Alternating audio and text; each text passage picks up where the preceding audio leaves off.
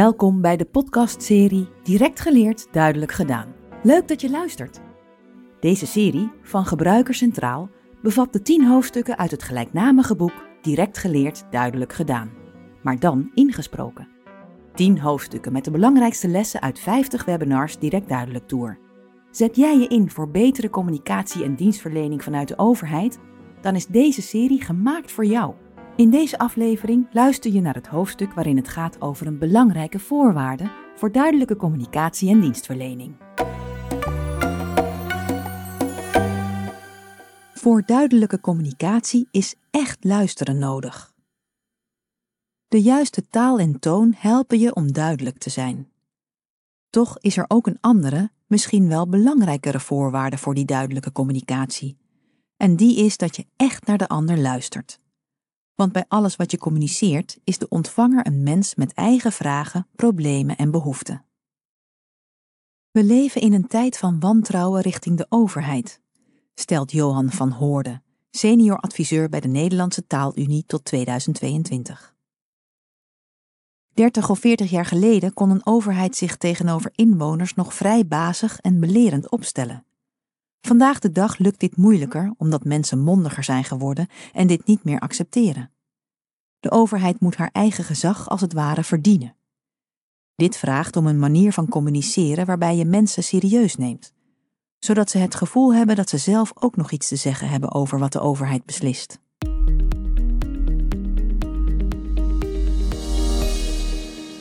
Interesse en vertrouwen. Communicatie gaat ook over het serieus nemen van de relatie tussen overheid en inwoner. Johan zegt: Een collega van mij uit Estland, Katrien Hallik, zei ooit: It's not about writing, it's not about language, it's about caring for people. Oftewel, het gaat niet over schrijven, het gaat niet over taal, het gaat over het geven om mensen. Ik denk dat dit veel zegt. Voor duidelijke communicatie is nog meer nodig vertrouwen. En laat dat nu iets zijn waaraan het bij mensen, als het gaat om de overheid, vaak ontbreekt. Ron van Wonderen, senior onderzoeker bij het Verwij Jonker Instituut, zegt: Als je erachter wilt komen waarom mensen minder vertrouwen hebben in de overheid, zijn enquêtes, vragenlijstjes en statistieken niet voldoende. Je wil de verhalen horen. Wat is er gebeurd waardoor mensen dat vertrouwen niet meer hebben? Met ons instituut hebben wij met onderzoek geprobeerd die verhalen te verzamelen. Onzichtbaarheid van de overheid en de inwoner. Uit het onderzoek van persoonlijke krenking tot vertrouwensbreuk kwamen verschillende oorzaken voor het gebrek aan vertrouwen naar voren, waaronder onzichtbaarheid van de overheid. Rond vertelt. Onzichtbaarheid van de overheid is een belangrijke oorzaak die je terugziet op meerdere niveaus. Zo zijn er steeds minder loketten in de wijken. Ook is er veel bezuinigd. Gemeenten fuseren, ziekenhuizen en scholen groeien. Op alle niveaus zie je dat organisaties groter worden en dat bestuurders verder van de inwoners afkomen te staan. Die minder aanwezige overheid gaat samen met de digitalisering, callcenters en het online moeten regelen van allerlei zaken. Dit maakt de overheid onzichtbaar. Ron zegt: als je vroeger een vergunning aanvroeg of een probleem had, sprak je met iemand. Als dit gesprek niet goed verliep, kon je zeggen: Wat een vervelende ambtenaar. Maar je kon het tenminste die persoon aanrekenen. Als je nu met een callcenter belt of iets online wilt regelen en dat lukt niet, geef je de schuld aan het systeem, aan de hele organisatie.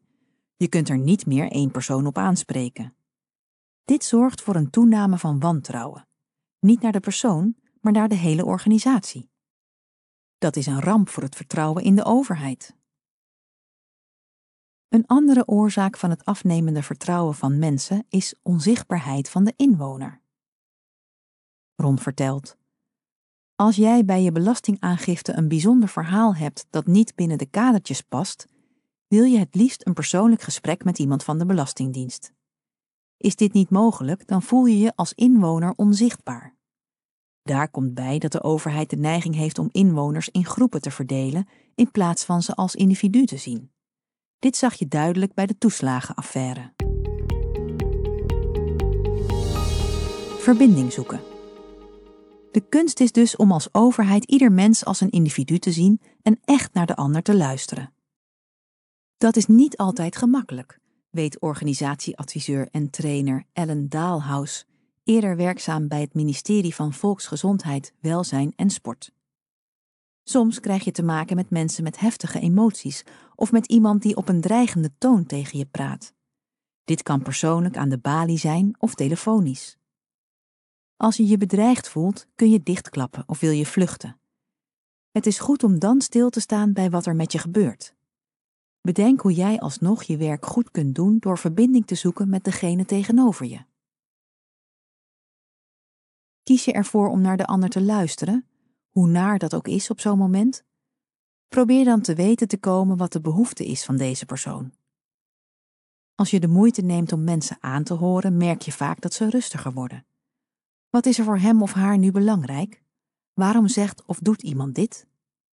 Probeer bij de persoon tegenover je de angel eruit te halen. Dat vindt ook Aart Paardenkoper, onderzoeker bij ProPublic. Hij geeft een voorbeeld van een mevrouw die voor het aanvragen van maatschappelijke ondersteuning aanklopte bij het WMO-loket van een gemeente. Ze was woest omdat haar aanvraag voor de regiotaxi was afgewezen. Toen de Bali-medewerker doorvroeg, bleek dat deze mevrouw heel eenzaam was. De regiotaxi leek in haar ogen de enige optie om weer onder de mensen te komen. Doordat de medewerker bleef doorvragen en zich goed in de vrouw verplaatste, kon hij haar in contact brengen met een buddynetwerk. De afwijzing voor de regiotaxi was niet het echte probleem. Door goed te luisteren en doorvragen kon de behoefte van deze mevrouw toch worden vervuld. Hoe mooi is dat?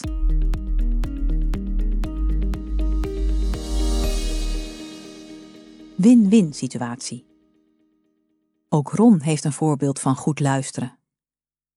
In Utrecht-Overvecht, een grote wijk met veel sociale problemen, zou het asielzoekerscentrum worden uitgebreid.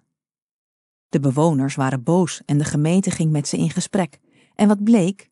De bewoners waren helemaal niet tegen de komst van vluchtelingen, maar zeiden: Iedere keer als de gemeente van een probleem af wil, gooien ze het over de schutting van Overvecht. Wij zijn het afvoerputje van de stad, maar zelf hebben we er niets aan. Als wij er als bewoners ook baat bij zouden hebben, is het een heel ander verhaal. Tijdens het gesprek hoorden de inwoners van Overvecht dat er in het asielzoekerscentrum cursussen werden aangeboden, zoals Engels, Nederlands en ondernemen.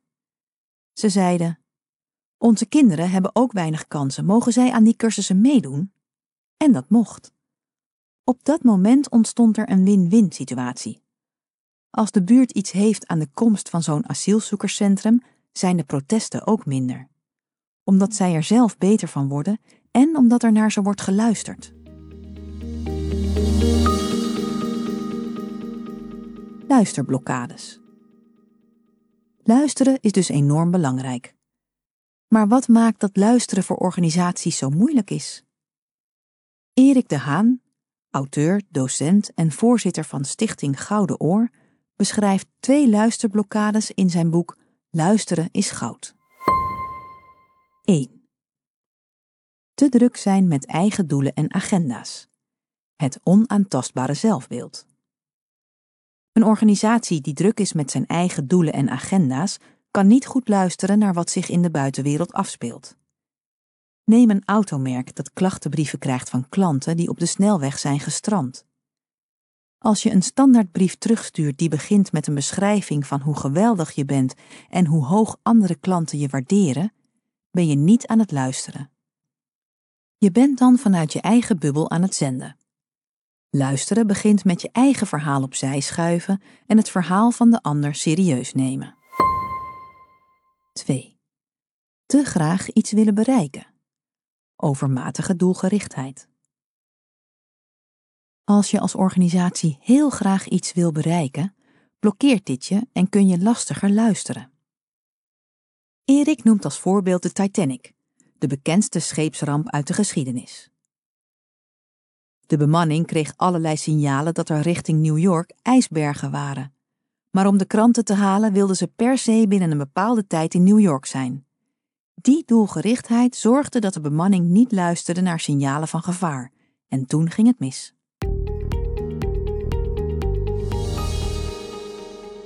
Beter leren luisteren. Tegenover deze luisterblokkade staan tips om beter te leren luisteren. Erik geeft er een paar, samen met Femke Schaafsma, concernstratege van de gemeente Almere. 1.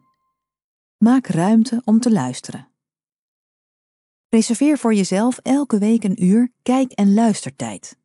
Ga naar buiten of bezoek een koffieochtend in een buurthuis. Zonder agenda of vooropgezet plan.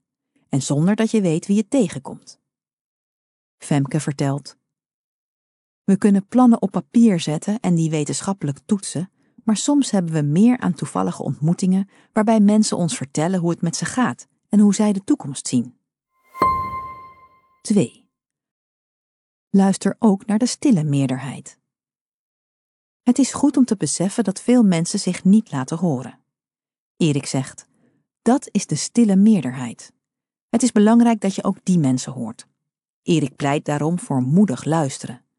Stap op mensen af en probeer ook dingen te horen die je misschien niet wilt horen. Het is niet altijd fijn, maar wel noodzakelijk als je contact wilt maken met het stille midden. 3. Begrijp om begrepen te worden. Erik zegt: Als je eerst begrijpt, kun je daarna begrepen worden. Als je eerst naar de inwoner luistert, is die daarna ook bereid om naar jouw plannen te luisteren. Zo ontstaat er wederzijds begrip. 4. Luister meditatief. Gun de ander de ruimte en laat je verrassen door de uitkomst van het gesprek. Erik zegt dat is ingewikkeld, want in ons hoofd gaan tijdens het luisteren radertjes werken. Die kun je niet uitzetten, want dat is hoe ons brein werkt. Wel kun je jezelf aanleren om meditatief te luisteren. Je dwaalt af met je eigen gedachten en moet weer terug naar het luisteren. Word je ervan bewust? Ik ben nu iets voor mezelf aan het denken. Stop. Constateer het en ga terug naar het luisteren. Het is een techniek die je kunt oefenen. 5. Stel verdiepende vragen.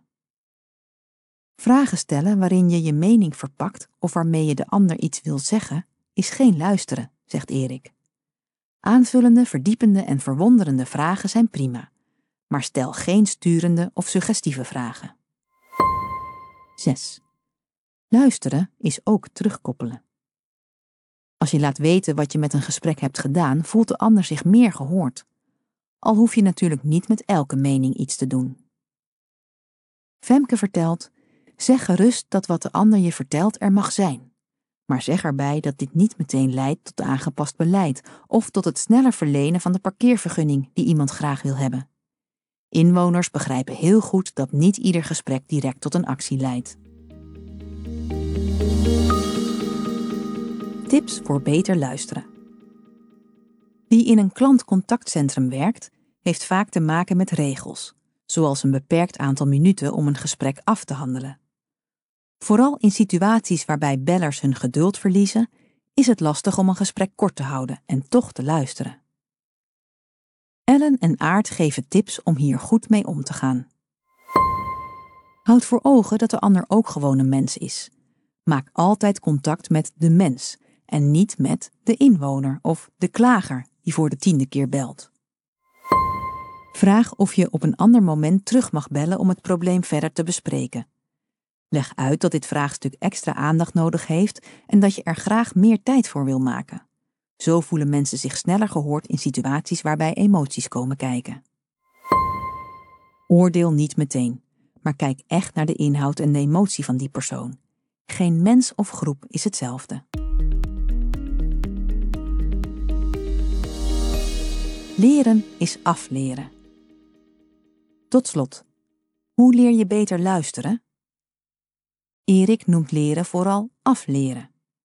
Zorg dat je je bewust wordt van de dingen die jouw luisteren blokkeren. Misschien ben jij iemand die het snel over zichzelf heeft in plaats van dat je het gesprek bij de ander laat. Zodra je in de gaten hebt dat je dat doet, kun je jezelf corrigeren en het uiteindelijk afleren. Die bewustwording is het begin van een verandering. Wil je meer horen? Luister dan ook naar een van de andere afleveringen van Direct Geleerd Duidelijk Gedaan. Nieuwsgierig naar de Direct Duidelijk Tour? Bezoek dan directduidelijk.gebruikercentraal.nl. Tot de volgende aflevering.